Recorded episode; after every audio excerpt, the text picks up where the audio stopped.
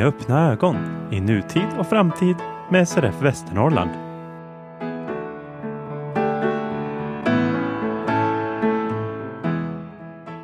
Hej och välkomna till detta extrainsatta avsnitt av Med öppna ögon. Idag ska vi diskutera färdtjänst och speciellt den färdtjänstutredning som på uppdrag av regeringen har utförts nu under ett år och som presenterades den 31 mars. Bakgrunden är helt enkelt att det började komma märkliga domar som innebar att synskadade nekades färdtjänst. Det var till och med så att ett par synskadade i Skåneregionen som hade haft färdtjänst i 30-talet år blev nekade när man skulle ompröva deras tillstånd. De var ju definitivt lika blinda, inte yngre, inte större förmåga att orientera sig, men eh, man drog in deras tillstånd helt enkelt. Samma sak hände på andra håll. Vi har också haft helt blinda personer i Stockholmsregionen som har sökt färdtjänst och inte blivit beviljade det. Man har motiverat det med att de ska minsann kunna lära sig gå vissa sträckor och orientera sig och man har använt eh, väldigt horribla argument tyckte vi och vi i sammanhanget är ju Synskadades riksförbund tillsammans med Riksorganisationen Unga med synnedsättning och förbundet Sveriges dövblinda som gick samman. Vi sa vi måste säkra färdtjänsten för gruppen blinda och synsvaga. Hur gör man det? Ja, bland annat genom att komma ut i media. Vi drog igång en stor namninsamling genom Riksförbundets försorg som 16 301 personer undertecknade. Det var en jättefin manifestation på Mynttorget i Stockholm den sista mars 2022. Det bland annat du Frida var med och höll tal för unga med synnedsättning. Det betydde mycket för vår kampvilja. Redan innan manifestationen så hade dåvarande infrastrukturminister Thomas Eneroth gett i uppdrag till myndigheten Trafikanalys att eh, titta på tillståndsgivningen primärt för gruppen blinda och synsvaga eh, och se eh, om det måste göras något förtydligande. Man kanske ska säga att det kanske inte var exakt bara den gruppen, men med de här fallen som bakgrund, med kampanjen som SRF tillsammans med US och FSDB gjorde, så växte det ändå fram en kännedom om att det fanns problem, att lagen till alla delar kanske inte följdes som det var tänkt om man gick till förarbeten och vad som har hänt sen. Det här har vi följt upp väldigt noga inom synskaderörelsen och eh, utredningen har vi ju pratat om i podcasten förut också. Nu är den presenterad, framlagd för regeringen. Det skedde den sista mars i år, 2023. Och det är väl det vi ska fokusera på nu. Vad har hänt längs vägen? Vad innebär utredningen? Och vad händer nu efter att den har presenterats? Ja, och vi kommer i det här avsnittet att prata med ett antal personer som ska få analysera och säga vad de tycker om utredningen. Vi kommer bland annat att prata med utredaren. Vi kommer att prata med eh, Riksförbundets intressepolitiska personal, Jimmy Pettersson, samt eh, förbundsjurist Anna Kvarnström. Vi kommer också att eh, få en kommentar kring utredningen från Andreas Pettersson. Men innan vi kommer till det så tänkte jag fråga er, vad betyder färdtjänsten för er och vad skulle det betyda att inte ha den? Som jag har nämnt så har jag ju flyttat en del under min livstid och varje gång så är eh, en, det är ju en osäkerhet när man flyttar till en ny stad och man inte känner så många och inte hittar runt. Så där är ju färdtjänsten en, verkligen en trygghet och en frihet att inte vara beroende av andras hjälp. Eh, utan att faktiskt kunna ta sig till ställen på egen hand.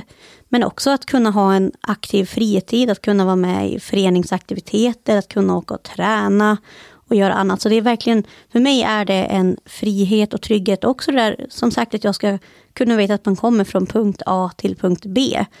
Ehm, och kunna göra det på ens egna villkor och inte alltid behöva be om hjälp av sin omgivning eller anhöriga. Så att, ja, färdtjänsten, jag skulle nog vara mycket mer isolerad utan den faktiskt. Färdtjänsten gör oss oberoende, gör mig oberoende på ett sätt som gör att jag kan fungera något så när i samhället på lika villkor. Inte samma, men väl alltså ändå relativt lika villkor som den som inte har någon typ av funktionsnedsättning eller blindhet i det här fallet. Färdtjänst brukar ju kopplas samman med kollektivtrafik och oavsett om man tycker att det ska ligga där eller inte så är det faktum som görs idag. Men jag och även hela SRF-organisationen säger ju att ja, men färdtjänst är så mycket mer än en ersättning för ett tåg, en buss eller vad det än kan vara. Färdtjänsten ska ersätta den egna bilen, färdtjänsten ska ersätta de egna benen. Ja, jag kan gå på dem, men jag kan inte orientera mig så himla bra. Det kan ju vara jättekorta sträckor, jättefånigt ibland att man inte hittar, i synnerhet om vintern, eller att det är något ställe som är svårt att navigera på. En öppen yta, eh, otillgängligt på andra sätt, och där måste man kunna ta sig fram per färdtjänst, det är bara så. Om man nu vill ha ett land där vi ska vara inkluderade, vi som faktiskt inte kan ta oss fram enligt gängse norm. Kollektivt eller med den egna cykeln, med de egna eh, benen som hittar tack vare att man ser eh, när man gör det, eller eh, den egna bilkörningen. Jag är ganska säker på att jag hade varit bilist om jag hade lyckats ta körkort, om jag hade sett. Ingen snack om det. Jag hade kanske åkt kollektivt ibland, men jag är ganska rädd att jag hade varit en miljödåre på många plan. Det måste jag tillstå faktiskt. Jag är lite lagd åt det hållet, inte medvetet, men jag tror att jag har, har bråttom i livet och då tar man sig ofta fram på det sättet. Men det kan jag inte och då måste man kunna nyttja färdtjänst. Så kan man ju säga om någon kommer och tycker, ja men du, eh, kostar inte det där samhället jättelika resurser då? Skulle inte tro det, därför att det är klart att det uppstår en kostnad på ett ställe. Men vad händer med oss om vi inte tillåts jobba? Det är det som händer. Om vi inte har färdtjänst, då stängs vi in i våra lägenheter. Vad händer då? Arbetslöshet? Eh, ersättningssystem? Kanske förtidspension helt i onödan? För så vitt att man inte blir en enorm entreprenör som kan jobba hemifrån men isolerad fortfarande. Vad händer med hälsan? Man kommer inte ut på samma sätt. Jag är ganska säker på att man skulle uppsöka vården många, många fler gånger. Dels av eh, psykiska skäl och kanske även av fysiska. Eh, promenera gör man ju inte när man åker färdtjänst, men det hänger ihop med det kroppsliga måendet lika fullt vill jag hävda. Spontanitet, att kunna ta sig ut, hälsa på folk. Om någon ringer en söndag förmiddag och säger ja, men kan vi inte ses? Har man färdtjänst och någorlunda hyggliga tider, eh, man kan alltså beställa med ganska kort varsel, då kan man säga jo det kan vi göra, kul, vi finns, jag har ingenting att göra, vi syns. Och så gör man det några timmar senare och sen kan man ta sig hem och det är precis som de som är seende kan göra. Eh, återigen, det här lika behandlingen. Det är den det handlar om. Utan färdtjänst blir vi helt utlämnade till välgörenhet. Till våra föräldrar, så länge de finns. Till vänner, så länge de finns. Till partners. Och det är inte bra. Det kan vara jättefint att ha exempelvis en seende partner att lyfta med. Eh, att eh, ha någon som man känner, som man kan handla med. Men så fort det uppstår en beroendeställning, så fort man känner att nu fick den här människan offra någonting för att göra det här med mig istället, då blir det ju inte bra. Och det gäller kärleksförhållanden, det gäller vänskapsförhållanden och det gäller också relationerna till antingen sina föräldrar eller sina egna barn skulle jag säga. Det där med att eh, känna pressen att behöva be om hjälp för att klara av olika saker, förflyttning inte minst när samhället kan fixa det här och samtidigt vinna. För vi kan då konsumera, vi kan arbeta, vi kan vara aktiva. Och en sak till. Utan färdtjänst är det också så att vi inte skulle kunna vara så aktiva i SRF som vi kan vara. Det här är faktiskt en demokratifråga där också. Hur ska vi ta oss till och från möten? Hur eh, ska man kunna veta det på ett säkert sätt? Eh, det är faktiskt också ett hot mot organisationen om färdtjänsten inte fungerar. Och då är vi tillbaka i demokratidiskussionen, i diskussionen om att samhället faktiskt har ett ansvar och ska inte kunna dra sig undan det ansvaret. Det är det viktiga. Det är det som vi måste slåss för. Om vi vill att alla ska vara med, och det vill vi, så måste vi visa på att alla kan inte vara med på samma sätt. Vi måste skapa ibland så kallade särlösningar. Det är inget fult ord. Det är en nödvändighet ibland. Sen kan man kombinera det här. Jag brukar ta exemplet, jag kanske har gjort det i podden också, jag minns inte. När jag ska ta mig till kansliet i Härnösand till exempel. Vad gör jag då? Ja, då åker jag färdtjänst hemifrån porten till hållplatsen, åker bussen till Härnösand, kliver av och går den sista biten. Och då har vi ju en kombo här av färdtjänst, av bussåkande och av vandring på de egna benen. För den sträckan kan jag. Men jag kan inte åka till något annat ställe och börja gå spontant, utan det här är en stenhård inlärning som har förekommit. Det går på en viss sträcka och det är ju meningen att man ska kunna kombinera det här. En promenad, en busstur, en färdtjänståkning, då funkar ju hela resekedjan. Och det är det som man måste titta på. Från dörr till dörr-principen, hur tar jag mig fram?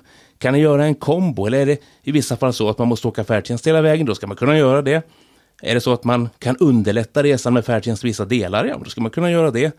Så det, det, är faktiskt det här det handlar om också. Kunna prata öppet med handläggare, med myndighetspersoner om de här sakerna.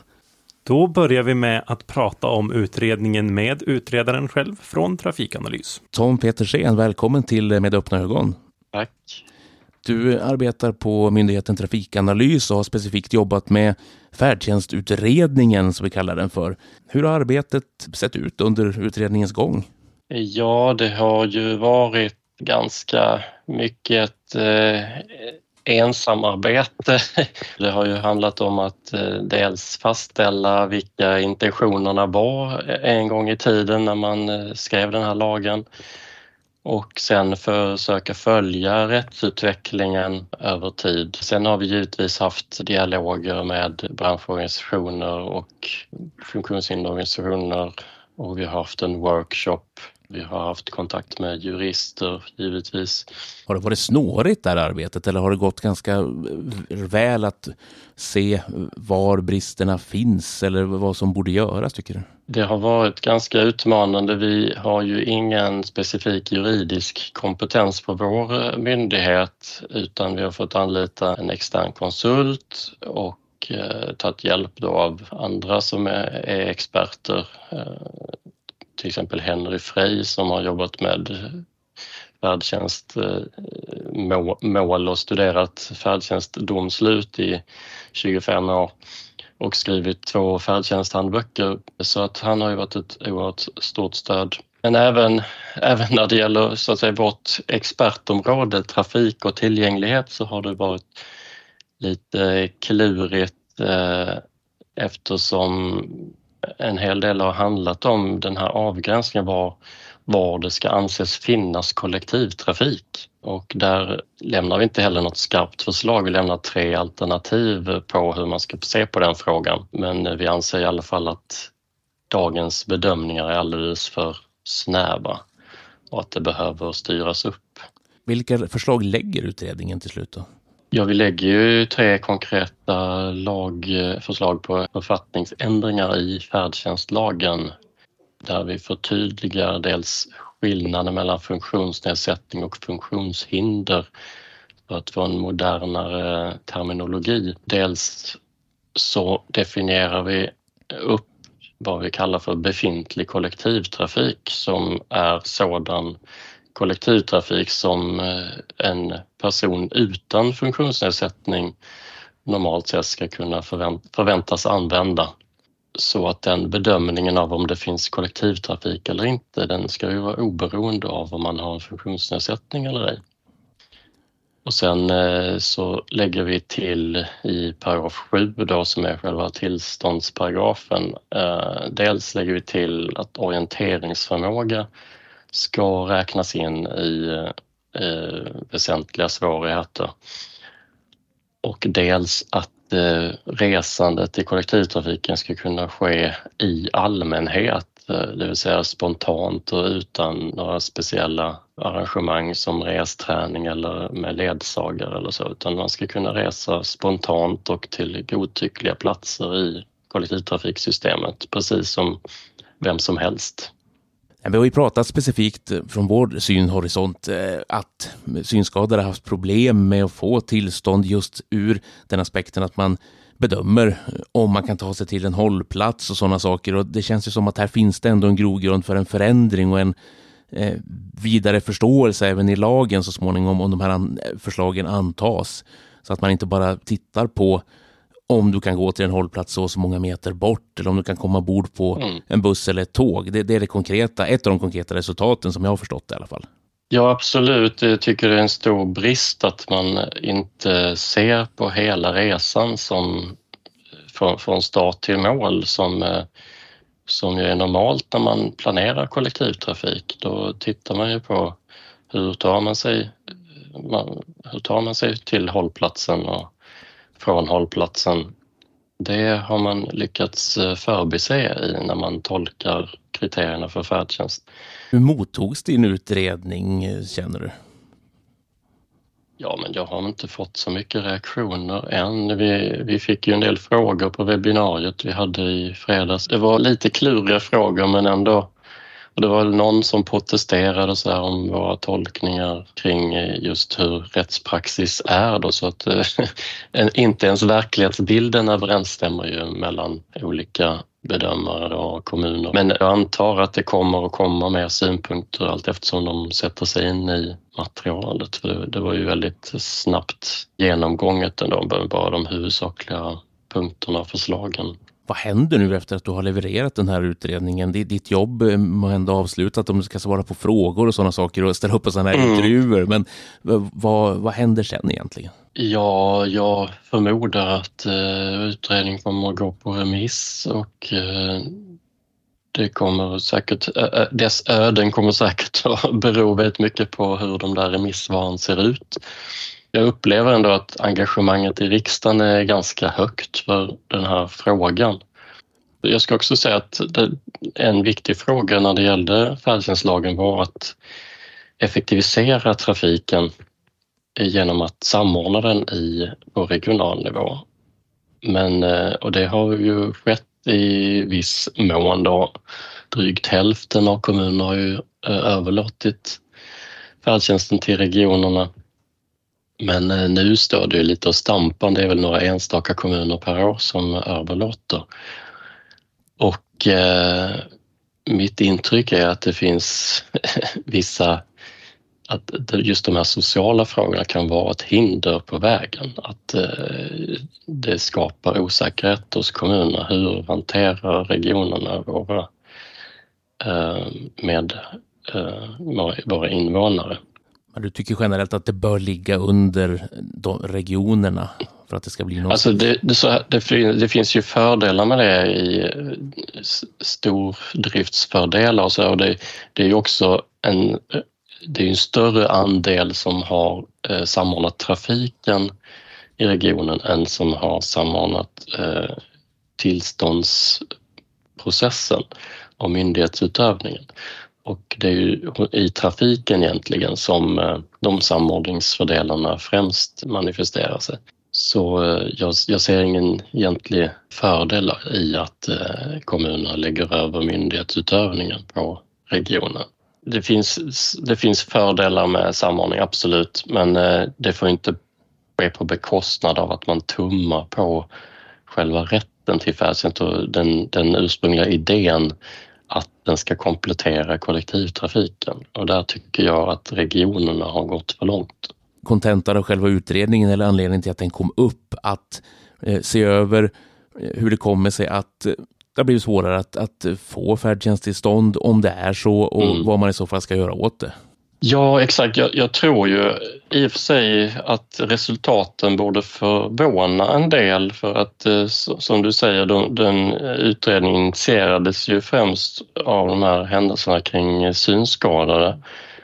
Men eh, det visar sig ju att eh, rörelsehindrade har ju då varit eh, mer drabbade genom sen, sen mer än tio år tillbaka i och med att man har då, då bestämde sig domstolarna för att inte beakta eh, avståndet till hållplats längre och därmed tappar man hela kopplingen till kollektivtrafiksystemet. Om det nu skulle vara så att man kan resa med kollektivtrafik men inte klarar av att ta sig dit, då behöver man inte få färdtjänst i dagens läge. Och det tycker vi strider mot intentionerna i lagstiftningen. Fast det ska också sägas att den var inte supertydlig eh, uttryckt i lagstiftningen heller, eller i, i, i förarbetena.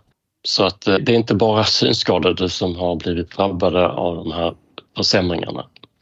Och sen ska vi också säga att det är lite svårtolkat vad de här minskningen av eh, antal tillstånd egentligen beror på. Det kan också vara så att en del handlar om att eh, äldre har blivit det har blivit vanligare med bil och körkort bland äldre, framförallt äldre kvinnor över 80 år. Så att de har blivit mer oberoende av färdtjänst och därför inte ens sökt.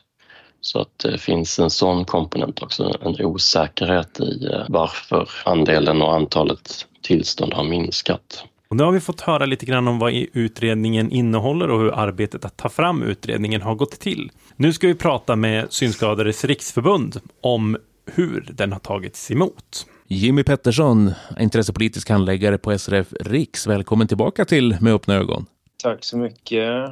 Vi pratade inför att färdtjänstutredningen skulle presenteras för några avsnitt sedan i den här podcasten och nu har ju faktiskt utredaren framlagt sitt förslag och då är vi nyfikna på vad har Riksförbundet för kommentarer till utredningen som sådan och de förslag som har lagts?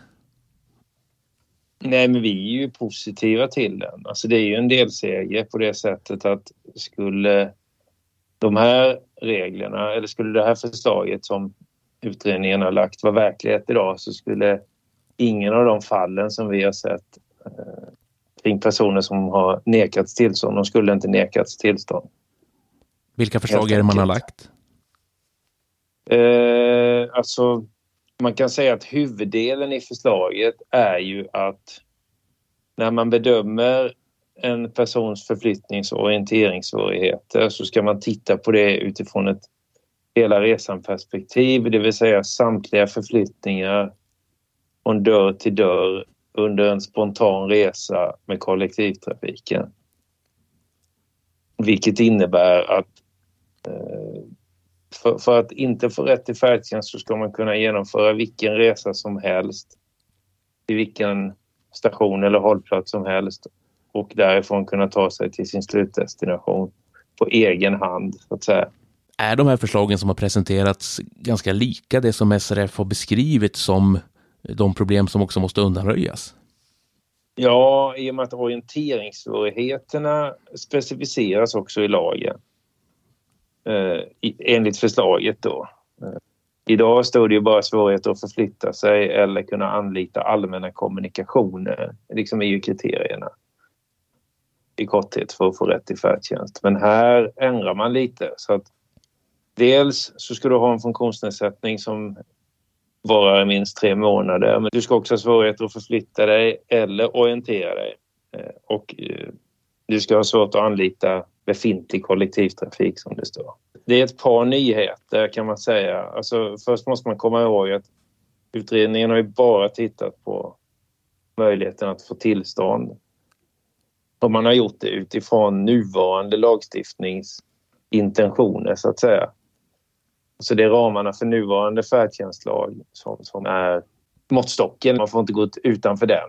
Så att precis som fallet är med nuvarande färdtjänstlag så finns det ju en koppling till den allmänna kollektivtrafiken. Och den lär ju bestå, tänker jag, för man brukar ju prata väldigt mycket om att eh, sam dels samordning och dels också att färdtjänsten är en del av kollektivtrafik, så det, det är kanske svårt att komma ifrån, inte minst eftersom det förflyttades dit i och med EU-inträdet 95, som, som åtminstone jag har förstått att det kopplas till efter att det låg under socialtjänstlagen längre tillbaka.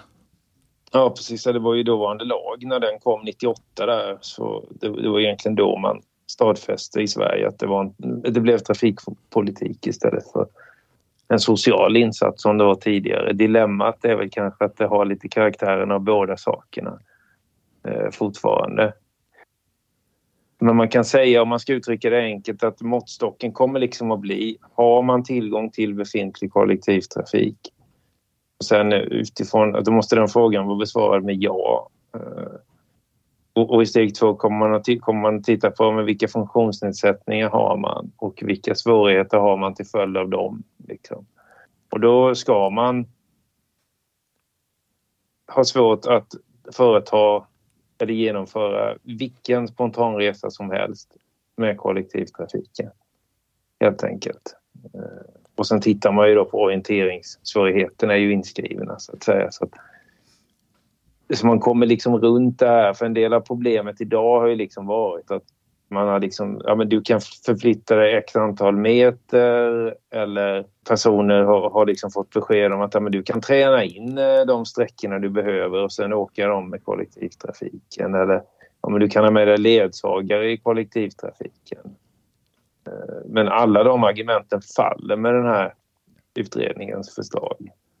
Helt enkelt det är, det är ett helhetsperspektiv på personens förflyttning som man ska titta på. En av ytterligare intressanta sakerna med den här är ju då att om, om man då kommer fram till att det finns ingen kollektivtrafik där personen bor, då står förslaget fast att det är kommunens ansvar att lösa eventuella transporter som behöver lösas. Det blir inte en färdtjänstfråga längre, helt enkelt. Vilket egentligen är så det är idag om man hårdrar det. Grejen är här bara att man förtydligar det och man säger dessutom att det är kommunens ansvar att lösa det i så fall. Sen hur det skulle bli i praktiken, det kan man ju spekulera i. Det kanske är så att det lättaste är att de här människorna ändå beviljas färdtjänst därför att det finns ett upparbetat transportsystem som löser problemet. Liksom. Det, det, det är ju sånt vi liksom inte vet i nuläget. Men det väsentliga i allt det här är ju att man ska väga in orienterings och förflyttningsproblematik på en dörr till dörr under en spontan resa. Så man kan inte plocka en sträcka som personen i fråga hittar och säga det fungerar det här. Utan man, man ska liksom göra en mer allmängiltig analys, liksom en, en allmängiltig utredning av personens möjligheter att kunna resa helt enkelt. Det stärker helt enkelt vår målgrupp och även kanske andra målgruppers möjlighet och rätt till att få färdtjänst i en framtid. Ja, förmodligen så är det ju så. Och utredningen har presenterats. Nu lär den gå ut på remissrunda misstänker jag och SRF kommer väl att vara aktiv där och på många andra fronter också för att få utredningens förslag förverkligade genom ett beslut så småningom. Ja, alltså det är ju ingen SOU så att frågan är om den kommer gå ut på remiss. Eh, jag skulle snarare tro att det är upp till regeringen att agera faktiskt. Vårt nästa steg kommer att bli att försöka få en uppvaktning med ministern och på så vis trycka på hur viktigt det är att man faktiskt går vidare och gör en proposition av det här så att man kan få en lagändring till stånd. Liksom. Så att vi täpper till de luckorna som finns kring reglerna eh, kring själva färdtjänsttillstånden idag helt enkelt. Är det SRFs nästa steg, att ni ska försöka få till det mötet? Ja, precis.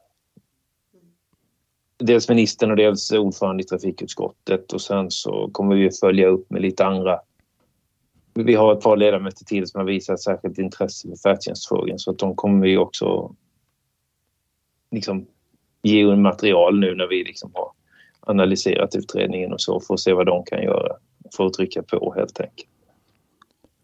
Och det vi kan göra ute i distrikten, det misstänker jag är det vanliga, att samla ihop våra riksdagsledamöter och presentera utredningen så gott det går och sätta dem in i situationen.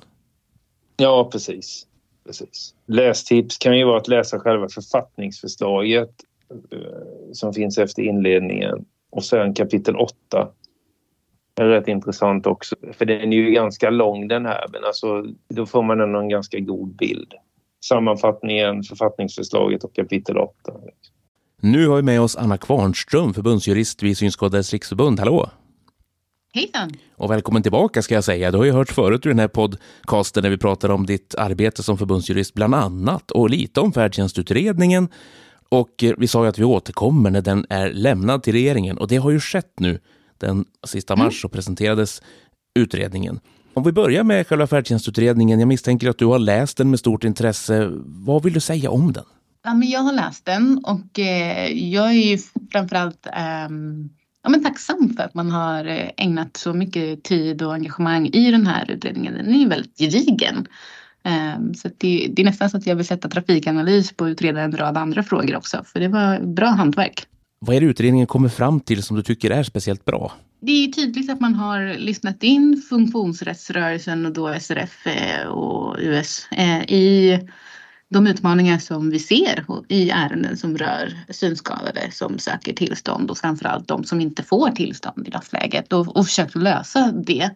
Eh, med utgångspunkt från hur lagen är lagd, förarbeten och Eh, ja, men gjort en avvägning vad som kan göras och, och sen landat i att det här är saker som eh, inte liksom utvidgar lagen utan mer handlar om att förtydliga hur lagen var tänkt. Skulle vi komma till rätta med de problem som vi har upplevt med personer som har fått avslag på sina ansökningar om utredningens förslag faktiskt togs upp av regeringen? Ja men verkligen. Ehm, man konstaterar ju i utredningen att det här har skett en rättsutveckling som inte riktigt har stöd i lagstiftningen eller i praxis.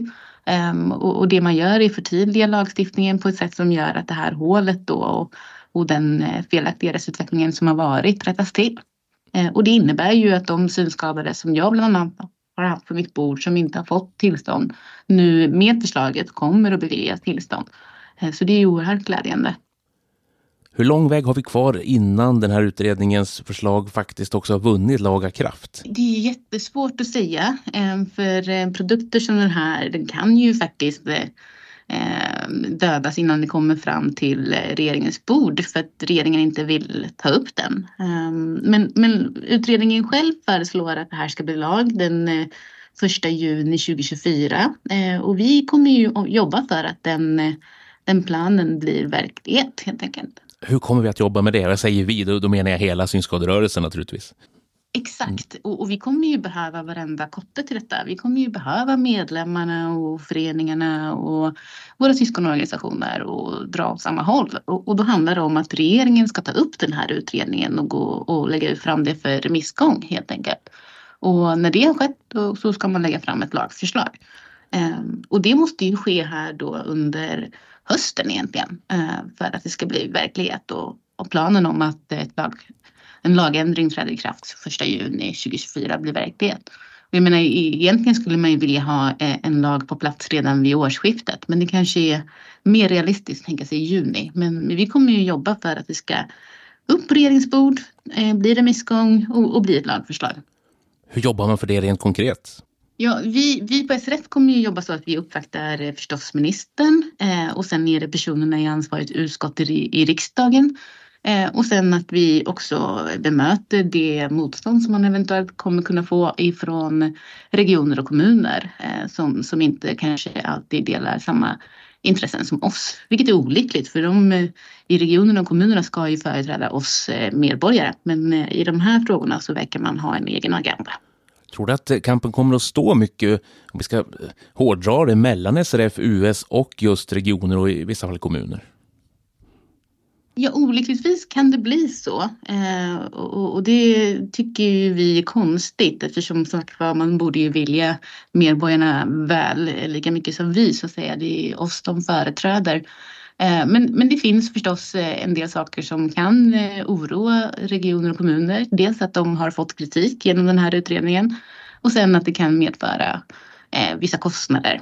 Ehm, och, och, då är det ju så att det ligger ju både i regionernas och kommunernas intresse och i vårat intresse att vi förstås om det blir dyrare på något sätt att det är staten då som skjuter till medel.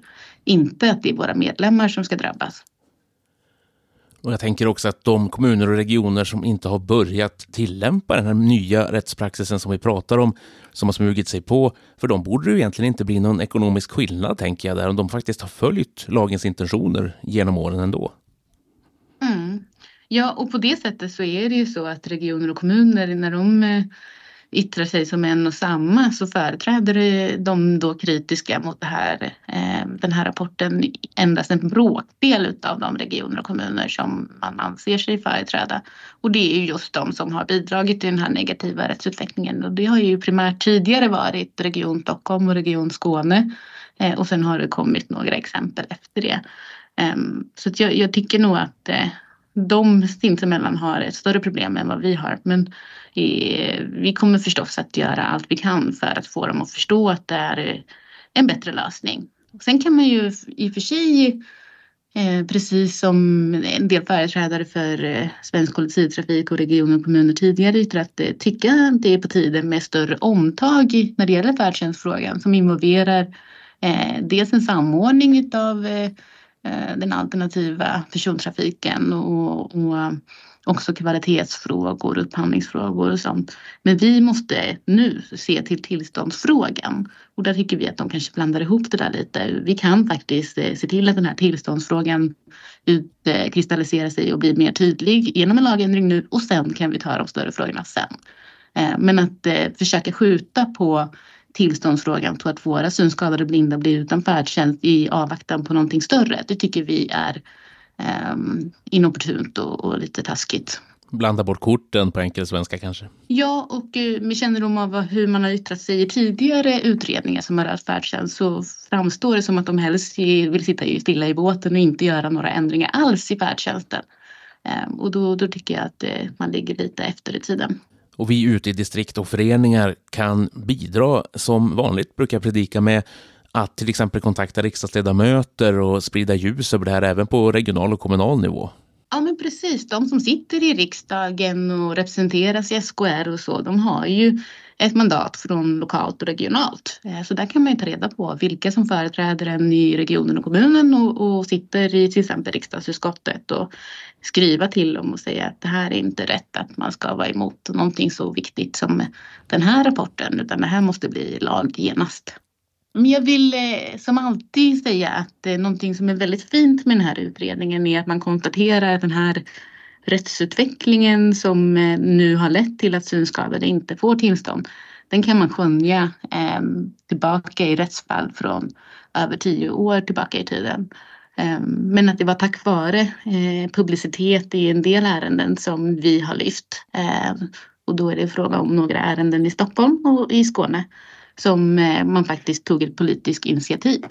Ehm, så jag vill verkligen tacka dem som har vågat att vara publika med sina problem här. För det har ju lett till den här rapporten och det här lagförslaget som jag hoppas ska gå i mål. Utan, eh, utan våra medlemmar hade vi inte kommit hit helt enkelt. Vi har nu fått höra Synskadades riksförbunds åsikt om färdtjänstutredningen.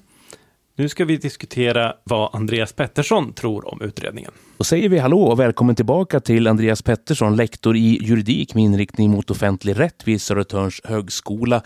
Vi har ju pratat med dig tidigare om färdtjänst i allmänhet, om färdtjänstutredningen som då inte var riktigt klar och eh, andra aspekter på färdtjänst också. Nu eh, har vi kontaktat dig igen och vill naturligtvis prata idag specifikt om den färdtjänstutredning som lades fram, eh, presenterades för regeringen den 31 mars. Jag misstänker att du har läst den och att du har ett och annat att säga om den. Ja, jättekul att vara här igen och prata med er. Eh, och ja, jag har läst den och eh, man kan naturligtvis säga rätt mycket om den här utredningen. Eh, det mesta bra tycker jag. Alltså eh, Trafikanalys då som är den myndighet som fick regeringsuppdraget att göra utredningen tycker jag har tagit det på största allvar. Det är en bra utredning. De har liksom ganska gediget gått igenom färdtjänstens historia, utveckling. De tittar på vad som har hänt i rättspraxis. De har specifikt tittat på problemen såklart med just tillståndsgivningen. Men de tar också emellanåt ett lite bredare tag, alltså för, för, förklarar eh, andra problem runt färdtjänsten. Och sen så ger de också eh, skarpa författningsförslag som tar sikte just specifikt då på tillståndsgivningen.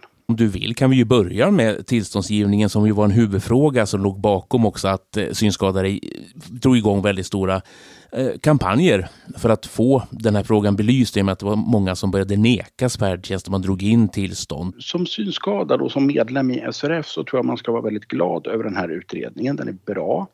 Eh, den här författningsförändringen de föreslår är bra. Den är objektivt bra och den kommer att förhoppningsvis ha eh, åsyftad verkan på tillståndsgivningen för just människor med synnedsättningar. Eh, så jag tror att kan man ta utredningens förslag för vad den är, alltså ett sätt att försöka justera en tillståndsgivning och en eh, tillämpning av färdtjänstlagen som har spårat ur lite grann när det gäller för, framförallt då för människor med synnedsättningar och att man i bred politisk enighet i riksdagen då kan bestämma sig för att komplettera lagstiftningen i färdtjänstlagen med de här föreslagna eh, eh ändringarna så tror jag att det kommer bli en förbättring för gruppen människor med synnedsättning. Det vill jag säga. Så att om jag var intressepolitiskt intresserad och eh, eh av synskadefrågor och så, det är jag ju såklart också, så, så, skulle jag vara väldigt mycket för att man faktiskt försöker införa de här förslagen så snart som möjligt. Ja, man kan lite, ju också, ja. Ja, nej, bara tillägga att man kan ju också se det som att utredningen eh, fick sitt direktiv därför att man även från politikens sida såg att det finns ett problem. Och vad utredningen föreslår är ju en liten men specifik förändring som handlar om att det inte längre bara ska handla om eh, väsentliga svårigheter att resa med allmänna kommunikationsmedel utan att det också ska handla om att kunna orientera sig på egen hand för att självständigt då kunna anlita befintlig kollektivtrafik. Och det här borde kunna underlätta tillståndsgivningen, inte minst som Sveriges kommuner och regioner under många år har efterlyst eh, klargöranden av just de här kriterierna i tillståndsgivningen. Hur tror du att det här kommer att hanteras av regering, eh, riksdag så småningom? Kommer den upp? Eh, det här är spekulativt naturligtvis, men har du någon känsla för vartåt det skulle kunna luta och var i eh, ett motstånd skulle kunna ligga? Jag tror så här att det, det, det, finns två eh, vägar här. Det ena är att man ser det här för vad det är, alltså att Trafikanalys som myndigheten heter har fått ett ganska begränsat utredningsuppdrag och har hållit sig inom den ganska begränsade ramen och föreslår en liten justering i färdtjänstlagen för att rätta till ett specifikt problem. Och det är så jag tycker man ska se den här utredningen också i stor utsträckning. Och i så fall så skulle jag säga att förutsättningarna formellt är goda för att riksdagen i stor politisk enighet, jag tror inte att det behöver vara en partipolitisk skiljande fråga utan att man i stor politisk enighet kan enas om att den här justeringen bör göras. Eh, men du nämner ju också motstånd och jag, jag, tror inte att nödvändigtvis att motståndet är att man, man, man i och för sig är emot den här förändringen utan jag tror att man från många aktörer inom svensk kollektivtrafik, att man från många regionala kollektivtrafikmyndigheter, alltså både politiken men också branschen, eh, ser att det finns andra och eh, på sitt sätt stora problem med färdtjänsten och hur den har fungerat sen sedan lagen kom 1997. Och jag tror att det finns en stark önskan hos många som jobbar med färdtjänsttillståndsgivning då inom framförallt kommuner och regioner att få en större utredning på plats, alltså som skulle kunna ta någon sorts helhetsgrepp om färdtjänsten. Eh, och min tanke med det är att det behöver i och för sig inte vara fel. Men här gäller det att komma ihåg att det goda behöver inte vara det bästas fiende. Det finns alltså ingenting som hindrar att man tar den här ganska begränsade lagändringen som löser stora problem i vardagen för människor med synnedsättningar nu så inför den. Och sen också, och det kan man göra i samband eller i annat sammanhang, också tillsätter en större utredning som faktiskt kan börja titta över hela trafiksituationen för människor med funktionsnedsättningar. För det har ju hänt mycket sedan 1997. Just då, om vi går tillbaka till själva utredningen, där fanns det fler saker som du ville kommentera eller fördjupa i? Ja, alltså jag tänker att utredningen som jag sa har ju till största delen tycker jag gjort ett ganska gediget jobb med att så att säga lägga kartan för var, vart befinner sig färdtjänsten nu. Samtidigt kan man ju också se den här utredningen från Trafikanalys som att den också lyfter fram att det faktiskt finns ett stort behov av att titta närmare på färdtjänsten i dess helhet. Och jag tror också att det vore bra om man gjorde det så länge man inte då, för det, det, problemet med när man kan tillsätta en större utredning är att det också kan bli väldigt bekvämt för politiker eh, så att säga att, att göm, lite grann gömma sig bakom det, att säga att ja men vi utreder frågan så. Och det vore inte bra om man gjorde så att man bara tillsatte en stor utredning utredning och så tar det flera, flera år innan man kommer fram med skarpa förslag. Utan de här problemen i tillståndsgivningen som utredningen framförallt tittar på, de behöver rättas till ganska omgående. Helst inom några månader bör regering och riksdag agera nu. Men däremot så är det uppenbart när man läser utredningen, precis som när man läste den tidigare utredningen som Myndigheten för delaktighet gjorde om kvalitetsproblem i färdtjänsten att vi skulle behöva ta ett helhetsgrepp både om resande för människor med funktionsnedsättningar inom ramen för den fria rörligheten i EU och hur den ska fungera i Sverige och också då med hänsyn taget till den särskilda kollektivtrafiken som färdtjänsten utgör. Så om jag finge hoppas och drömma lite så skulle det vara att man snabbt genomför utredningens skarpa förslag, alltså rättar till den så att säga, så att säga relativt begränsade problemet med, med tillståndsgivningen som också var utredningens uppdrag och som man nu har föreslagit på ett, tycker jag, bra sätt hur man ska lösa. Och så sen faktiskt också tillsätter en lite större utredning som tittar över frågorna. Och den kan ju då få ta lite längre tid på sig också.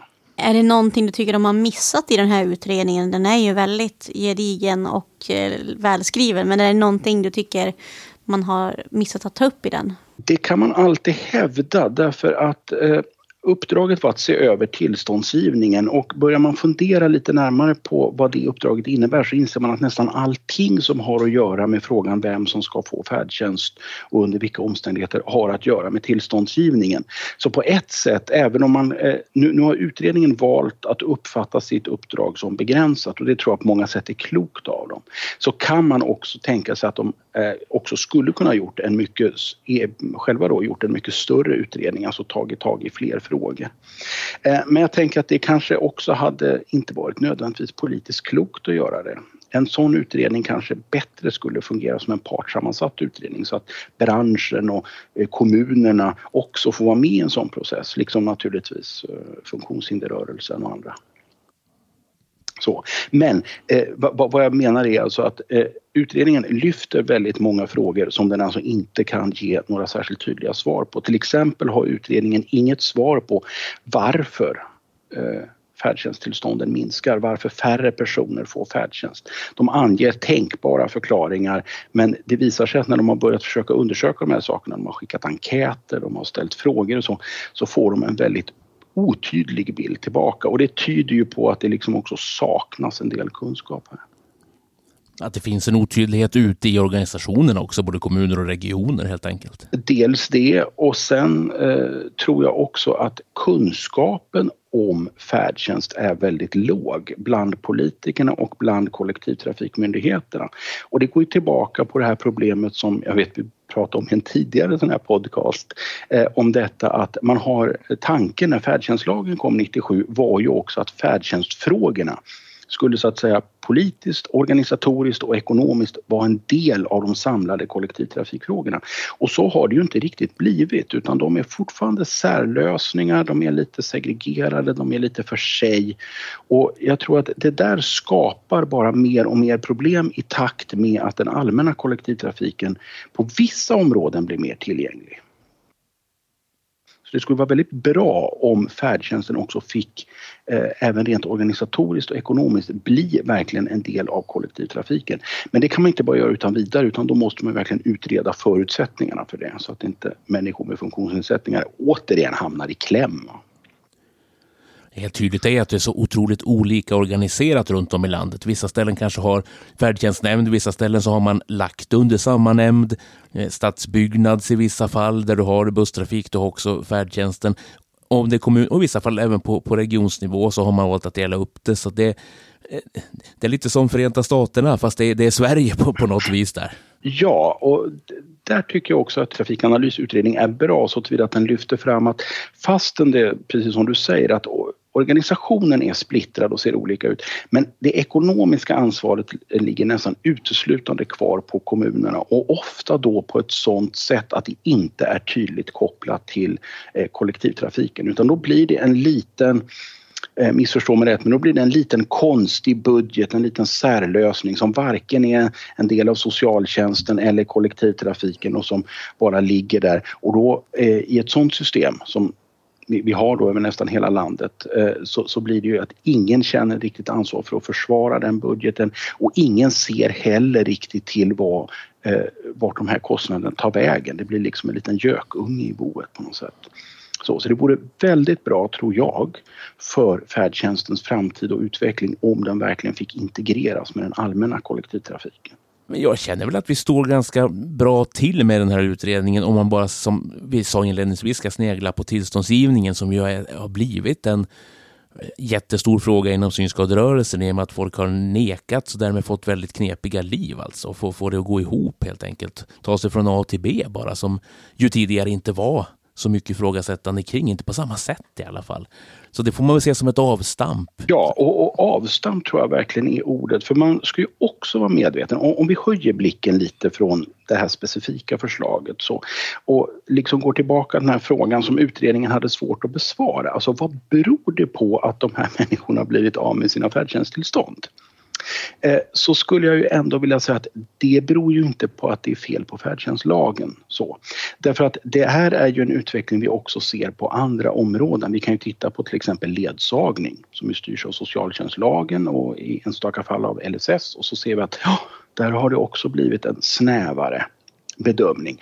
Eller så kan vi titta på helt andra insatser. Vi kan titta på till exempel personlig assistans Eh, som ju inte är en, eh, eh, eh det är ingen vardaglig insats för människor med synnedsättningar men det är en viktig insats för många med omfattande funktionsnedsättningar och fler funktionshinder. Och där ser vi också att tillämpningen har blivit snävare. Och när man så att säga backar ut lite så att man ser många olika sådana här insatser, förmåner och ser på tillämpningen i stort så ser man ju en, tycker jag, väldigt oroande trend där vi har lagstiftning på plats som eh, slår fast rättigheter för människor.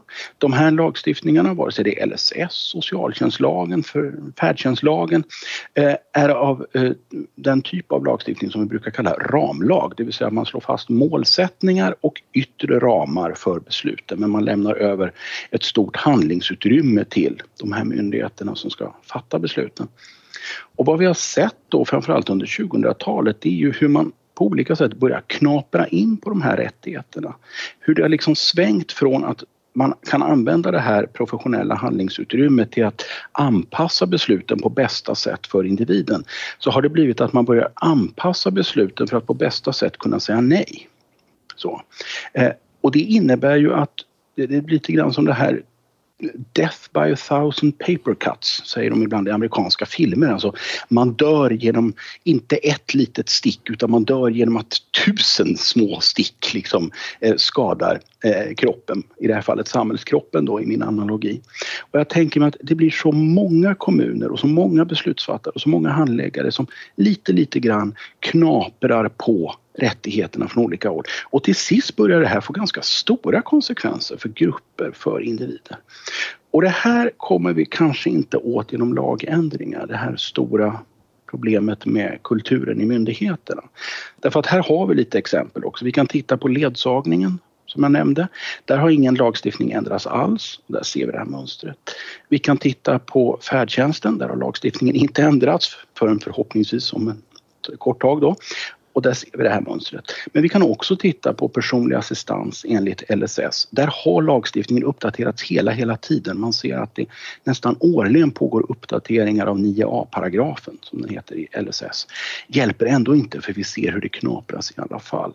Så det händer någonting inne i myndigheterna där det har blivit legitimt att se viktiga insatser för människor med funktionsnedsättningar som någonting man kan spara in på, reducera, nästan rent av i värsta fall att man börjar se sig själv som skattebetalarnas riddare eller skattebetalarnas advokat mot de här jobbiga människorna som kommer och kräver insatser. Och det värsta är, om, jag bara fortsätter en kort tag till, eh, med detta, det är ju också att man ofta Eh, argumenterar för att den här utvecklingen är bra för att det ökar rättssäkerheten. Eh, det här knaprandet på människors rättigheter motiveras ofta med att ja, men vi ska fatta rättssäkra beslut. Eh, och det här är ju ett närmast Kafkaartat sätt att liksom vända på rättssäkerheten. Rättssäkerheten inom de här ramlagarna som ju alltså sätter upp yttre ramar och som sätter upp målsättningar för myndigheterna. Rättssäkerheten i en ramlag som färdtjänstlagen, som målen i LSS, som socialtjänstlagen. Det bygger ju helt på att man är lojal, att myndigheten är lojal mot de här målen. Och börjar vi titta på vad var målen med färdtjänstlagen? Det var att ordna transporter för människor som inte kunde resa med kollektivtrafiken. Så, vad var målet med socialtjänstlagen? Ja, det är att ge skälig levnadsnivå till den som har ett behov som inte kan tillgodoses på annat sätt. Och vad var målen med LSS? Ja, det var goda levnadsvillkor, att kunna leva som andra. Men det här har nästan helt försvunnit och så blir rättssäkerhet istället att man alltid ser till att vara lika dålig som eh, den här domen som just kom, eller att man är lika snål som grannkommunen. Det vill säga någon form av negativ likabehandling. Va? Det har blivit rättssäkerhet. Och det där är ett jätteproblem som inte kommer åt med lagändringar. Men vad skulle du rekommendera oss att göra nu vidare utifrån utredningen? Hur ska vi uppmärksamma de här problemen och hur ska vi vända, alltså lyckas vända den här negativa trenden, hur man också ser på våra rättigheter? Alltså väldigt konkret och snabbt skulle jag säga att tänk i flera steg. Det första steget är att det här är en bra utredning. Den är bra därför att den eh, dels är bra för synskadade men den är också bra för de som ska tillämpa och eh, lagstiftningen och fatta beslut. Så vad ni i första hand ska göra det är att inrikta er på, nu, nu tycker jag åt det där nu, så, men det, eftersom du ber om råd, ja. det är att, att, att eh, lobba hårt på era rikspolitiker att de eh, oavsett partifärg tar ansvar för att den här justeringen nu som föreslås av Trafa faktiskt går igenom, att den blir gällande rätt. Så, det kommer att förbättra lagstiftningen för de som söker om tillstånd och det kommer också att göra det enklare för de här som sitter och beslutar. Så. Sen de här större frågorna eh, kräver naturligtvis att man tänker mycket längre och mycket mer komplexa tankar än bara att driva igenom det här just nu.